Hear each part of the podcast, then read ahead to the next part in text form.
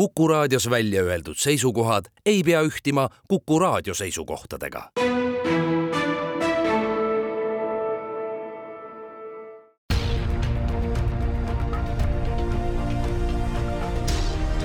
uue samba taga. sammaste taha aitab vaadata sajaaastane eestikeelne rahvusülikool tere, tänane saade tuleb teemal, mille tulevikusihid on lahti kirjutanud, rajajooned paika pannud nii ÜRO, Eesti kui ka Tartu Ülikool, ehk me võtame jutuks kestliku arengu, selle olulisuse, selle uurimuse ning praeguse seisu. selgitusi on tulnud jagama keskkonnatervishoiu professor Ants Orru, teda küsitlemas Madis Ligi see on äärmiselt lai teemade ring, kuid äh, kui me tähelepanu ja vahendeid äh, sellele valdkonnale ei pööra, siis meil nii-öelda pikka pidu ei ole, kuid paneme esmalt siis mõiste paika, mis selle sisse täpsemalt jääb? ühinenud Rahvaste Organisatsioon on siis paika pannud kestliku arengu eesmärgid. Ja miks need vajalikud on, et ühtepidi, et maailm saaks paremaks, et meil oleks vähem vaesust, rohkem inimesi oleks parajalt toidetud, mitte liiga palju ega vähe, parem tervis, haridus, võrdsed võimalused, parem joogivesi, energia, töö, paremad linnad, vastutustundlikkus, kliimamuutused, parem keskkond, et tegelikult see hõlmab kõike, mis meie ümber on, aga see ei tohiks tulla siis tulevaste põlvede ja keskkonna arvelt. et et äh, äärmuslikud ilmaolud on midagi sellist, mida me nüüd kogesime eelneval nädalal, kus siis äh, anti hoiatused ja need äärmuslikud ilmaolud sagenevad selle tõttu, et meil on kliimamuutused, need äh, ÜRO kestliku arengu eesmärgid koosnevad jah, seitsmeteistkümnest eesmärgist, kuhu siis Eesti on nii-öelda kunstlikud juurde öelnud, ka kultuur võiks olla ka osa, et kuna see on näiteks meie jaoks väga oluline aga tegemist on seitsmeteistkümne eesmärgiga, mis on ühtepidi väga laiad, aga samas äh, kõik väga olulised meie jaoks, et, et meie elu oleks siis parem kui Maailma Organisatsioon vaatab ette aastani kaks tuhat kolmkümmend, siis Eesti aastani kaks tuhat kolmkümmend viis, meie ajasamm on natuke teine. Need ajasammud on üldse erinevad, et, et meil on strateegiad, mis on siis aasta kaks tuhat viiskümmend siis on aastani kolmkümmend viis, no eeskätt Eesti siis kolmkümmend viis, kus on jällegi viis äh, sellist olulisemat eesmärki paika pandud ja, ja siis need kestliku arengu eesmärgid äh, ja üks ajaskaala on siis tõepoolest aastani kaks tuhat kolmkümmend. aga see kaks tuhat kolmkümmend tegelikult ei ole üldse kaugel, et äh, et tihti ongi, et meil on väga ambitsioonikad eesmärgid, aga meil ei ole täpset teadmist, kuidas me suudaksime need nii kiiresti siis äh, realiseerida. et kui me vaatame ka erinevaid planeeringuid, kas või Eesti merealad, planeerid meretuulepargid, siis ainuüksi planeeringut menetleti siin äh, viis äh, või rohkemgi aastat ja et jõuda mingite tegevusteni, pole kindel, et kas näiteks selles valdkonnas me jõuamegi üldse aastaks kaks tuhat kolmkümmend midagi tehtud kui vaadata veel, mida arvab asja kohta ka Maailma Tervishoiuorganisatsioon WHO, siis üheks oluliseks punktiks on seal välja toodud, et saaste oluline vähendamine õhus, vees ja pinnases, et kahandada haigestumisi ja surmasid. see on otseselt ka teie valdkonna, teie kolleegide töömaa. jaa, otse loomulikult ja näiteks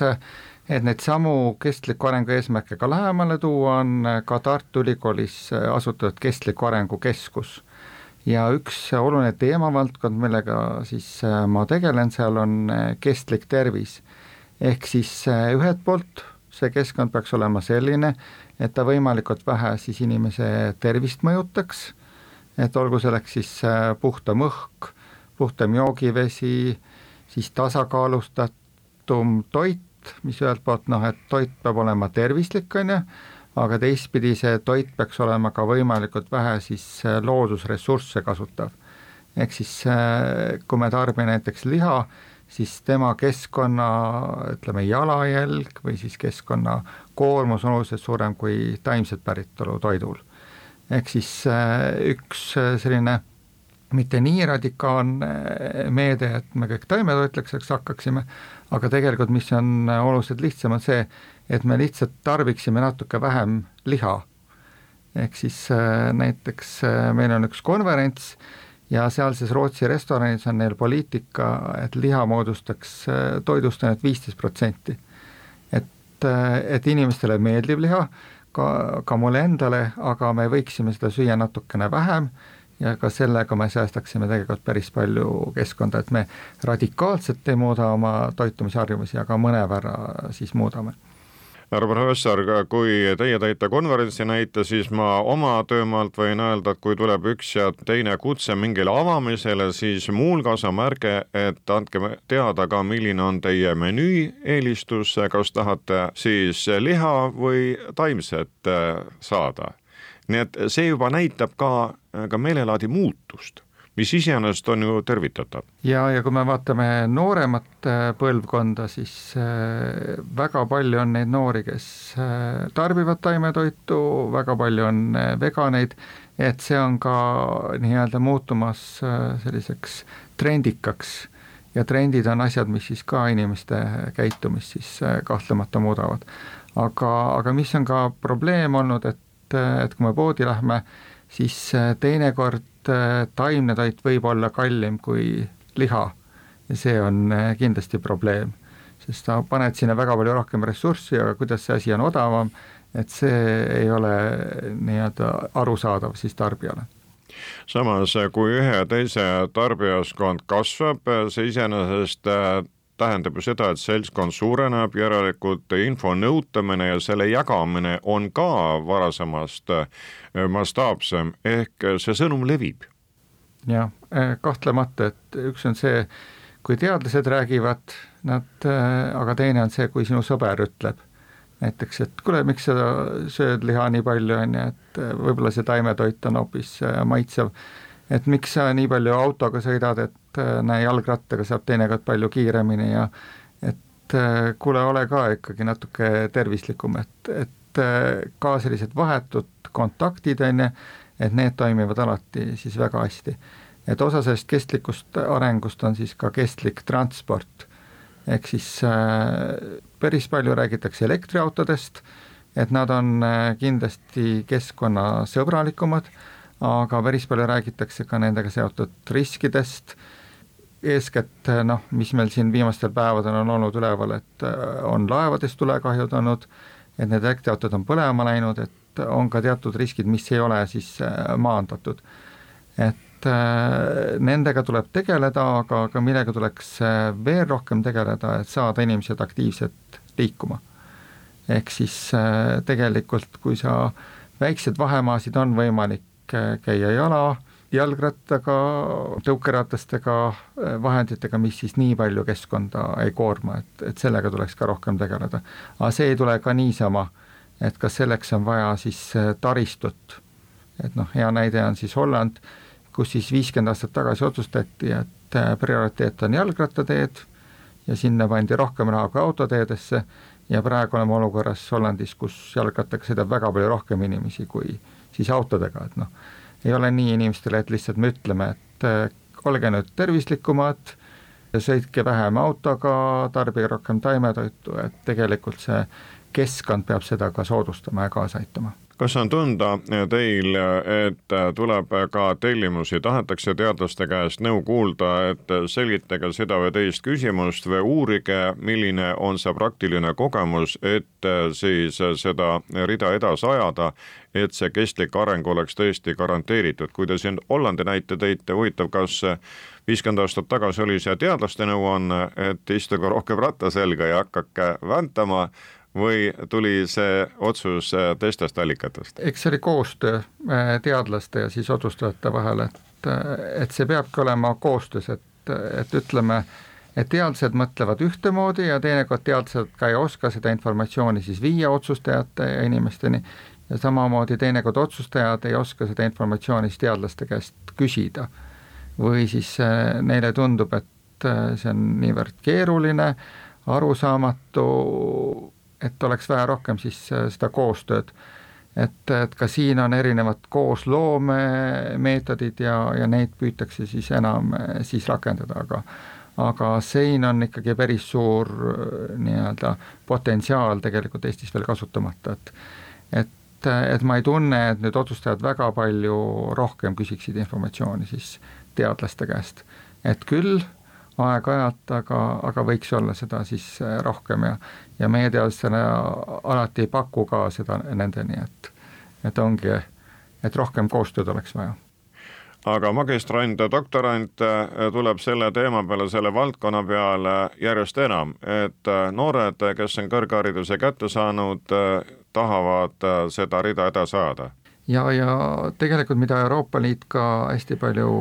toetab ja püüab arendada, on näiteks ettevõtlusdoktorantuur ja, ja see ei pea olema nagu ettevõte, see võib olla ka näiteks riigiasutus. et äh, mis on Eestis äh, erinev, võib-olla näiteks Rootsist, et kui ma lähen Stockholmi linnavalitsusse, siis väga paljudel ametnikel on doktorikraad. et noh, inimeste jaoks see doktorikraad tundub midagi väga müstilist ja need on äh, sellised inimesed, kes ainult ülikoolis töötavad, vaid tegelikult nad võivad töötada ka muudes sektorites, nad võivad olla ettevõttes, näiteks kus arendustööga tegeldakse, nad võivad olla ametnikud, et see näitab seda, et inimene oskab siis analüüsida teaduskirjandust ja siis ta oskab nende põhjal teha siis järeldusi, et et mida näiteks Tartu Ülikooli doktorantuuris eeskätt siis õpitaksegi, et analüüsima mingit protsessi, mingeid uuringuid erinevad ja nende põhjal siis tegema laiapõhjalisi siis järeldusi. et ei tohiks ka siis peljata doktorikraadiga näiteks kandidaate, kui on siis äh, nii-öelda vastuvõtmine näiteks kandideerima mingile siis äh, positsioonile.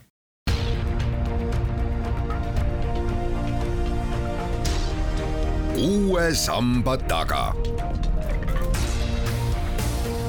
sammaste taha aitab vaadata sajaaastane eestikeelne rahvusülikool tegelikult äh, on ka ju palju negatiivseid nähtusi, mis aitavad sellele teemade ringile, kestlikule arengule rohkem tähelepanu tõmmata, suisa sunnivad selleks, kui vaadata kas või tänavustki aastat, äh, see pikk põud, mis meil oli, või need suured üleujutused, mis on olnud Hiinas või ka kusagil mujal, lisaks tormid, see paneb meid mõtlema, et äkki õnnestub igalühel meist midagi ära teha selleks, et see kestlikum areng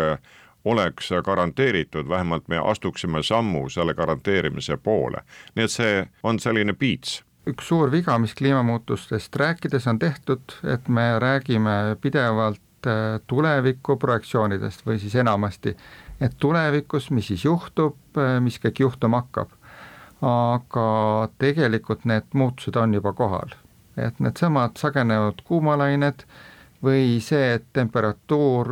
on juba ühe kraadi võrra tõusnud, noh, et meil on eesmärk, et see jääks alla kahe kraadi võrra, räägime sellest pidevalt, aga vähem räägime sellest, et see on juba kaugelt üle ühe kraadi tõusnud. ja teine, millest ka vähem on räägitud, on sellised murdepunktid. ehk siis no näiteks kui me võtame oksa, on ju, ja me hakkame seda painutama, on ju, nagu vibu, on ju, siis ta paindub, midagi ei juhtu, aga ühel hetkel käib see krõks. ja samamoodi on siis nende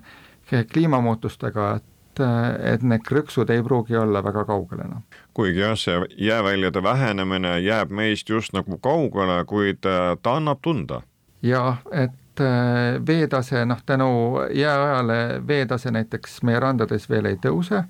aga kui me läheme siin veel paarkümmend aastat tagasi, et siis tegelikult veetase hakkab ka Eestis tõusma. suurimad üleujutused ongi näiteks meil mererandades ja seotud siis äh, tugeva tuulega, et, et mida kõrgem on see veetase, on ju üldiselt, seda kõrgem on see alguspunkt. Ja kui näiteks on väga tugev tuul siis lääne poolt, et siis äh, suur hulk vett äh, puhutakse siis põhimõtteliselt meie randadesse, et Saksamaal veetase langeb, aga meil siis tõuseb ja mereäärsed alad saavad noh, näiteks Pärnu linn, no jaanuari torm juba paarkümmend aastat, pea paarkümmend aastat tagasi, et kus siis väga suur ala sai üle jõutud see võib jällegi juhtuda. Kui aga mere pealt maa peale tulla, siis äh, tuleb kahjuks konstateerida seda, et veepuudus äh, on ikkagi väga paljudes maailma nurkades äh, ja ka see veepuudus paneb ka ju massid liikuma. enamik põgenikest, noh, kes on ikkagi jõuavad Euroopasse, on siis majanduspõgenikud, aga järjest enam on nende hulgas ka kliimapõgenikke, et kliimapõgenikke maailmas on tegelikult kümnetes miljonites, aga nad on vaesed inimesed ja enamasti nad põgenevad siis teise piirkonda oma riigis või siis heal juhul naaberriiki, on ju, neil ei ole ressursse, et rännata siis Euroopasse, et neid inimesi on väga palju, aga noh, eks nad jõuavad mingil määral rohkem ka siis Euroopasse. tulles korra vee teema juurde tagasi, siis sellel suvel Viimsi on näiteks näide sellest, kus siis oli juba veepuudus. et noh, et joogiveeks jätkub, on ju, aga kui me tahame ka siis kasta oma muru, on ju, et selleks ei pruugi näiteks seda põhjavett ühel hetkel enam jätkuda. ja kui on meil pikemaajalised äh, kuivad perioodid, et siis me peame mõtlema muudele siis äh, vee kogumismeetmetele, et noh, et kui aasta keskmine võtta, siis Eestis ei ole kindlasti sademete puudust, et pigem ju sajab siin üsna palju, tänu sellele näiteks meil ka sood on ju, märgalad, aga võivad tekkida siis perioodid, äh, kus ei saja pikka aega, nagu sellel suvel. Ja siis tuleks äh, koguda vett ja siis kasutada seda siis niisutamiseks hiljem. mis annab tööd teile kui keskkonnatervishoiu professorile, mis teemad on üleval, mida te uurite, millised projektid on pooleli? üks oluline valdkond, millega me siis tegeleme, ongi seesama kestlik äh, areng. Ja siis Tartu Ülikooli siis Kestliku Arengu Keskus, et tutvustada neid teemasid siis ühiskonnale siis äh, üritame, noh, eelnevalt on meil olnud siis õhusaaste ja kliimamuutused ja müra, aga üks äh, valdkond, millega me püüame ka rohkem tegeleda, on siis ebavõrdsus tervises. et kui me võtame Ida-Virumaa elaniku, on ju, siis Tallinna-Tartu elaniku, ka Lõuna-Eesti elaniku, on ju, kuskil Võrus, Põlvas, et siis näiteks vahe oodatavas elueas võib olla seal kuni viis aastat. Ja,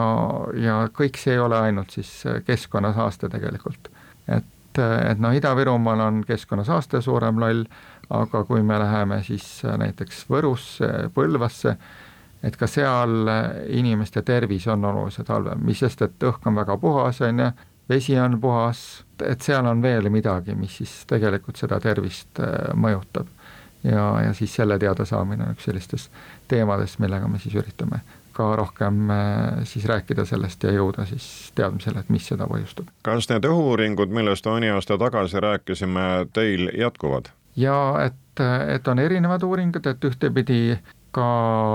üks aasta aega tagasi siis me uurisime neid õhusaaste episoode ja sealt selgus, et äh, ka maapinnale jääda osoon suveperioodil näiteks suurendab suremust äh, siin linnades, siis õhusaastega on seotud Äh, uuringud, mis on näidanud näiteks madala sünnikaalu riski, et ka juba see, et kui sa oled rase ja sa puutud õhusaastega kokku, et ka selle tulemusena siis laste sünninäitajad on mõnevõrra väiksemad ja laste tervis on halvem, millega me nüüd järgmine aasta ka alustame, on siis biomonitooring, et vaadata raskmetallide näiteks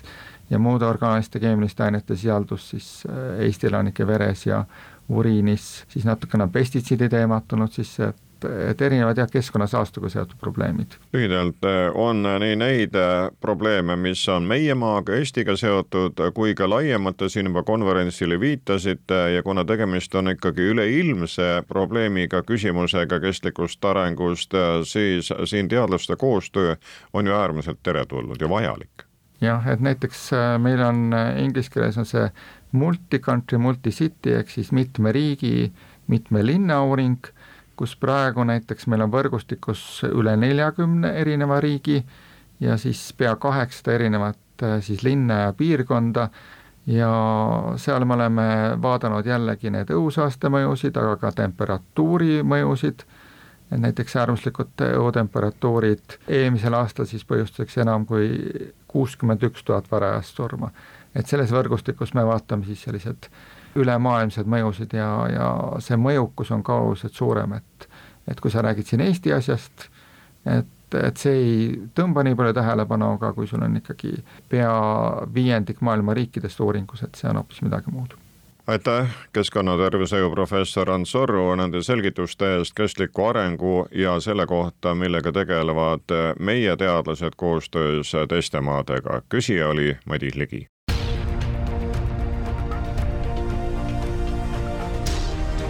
Uue samba taga. sammaste taha aitab vaadata sajaaastane eestikeelne rahvusülikool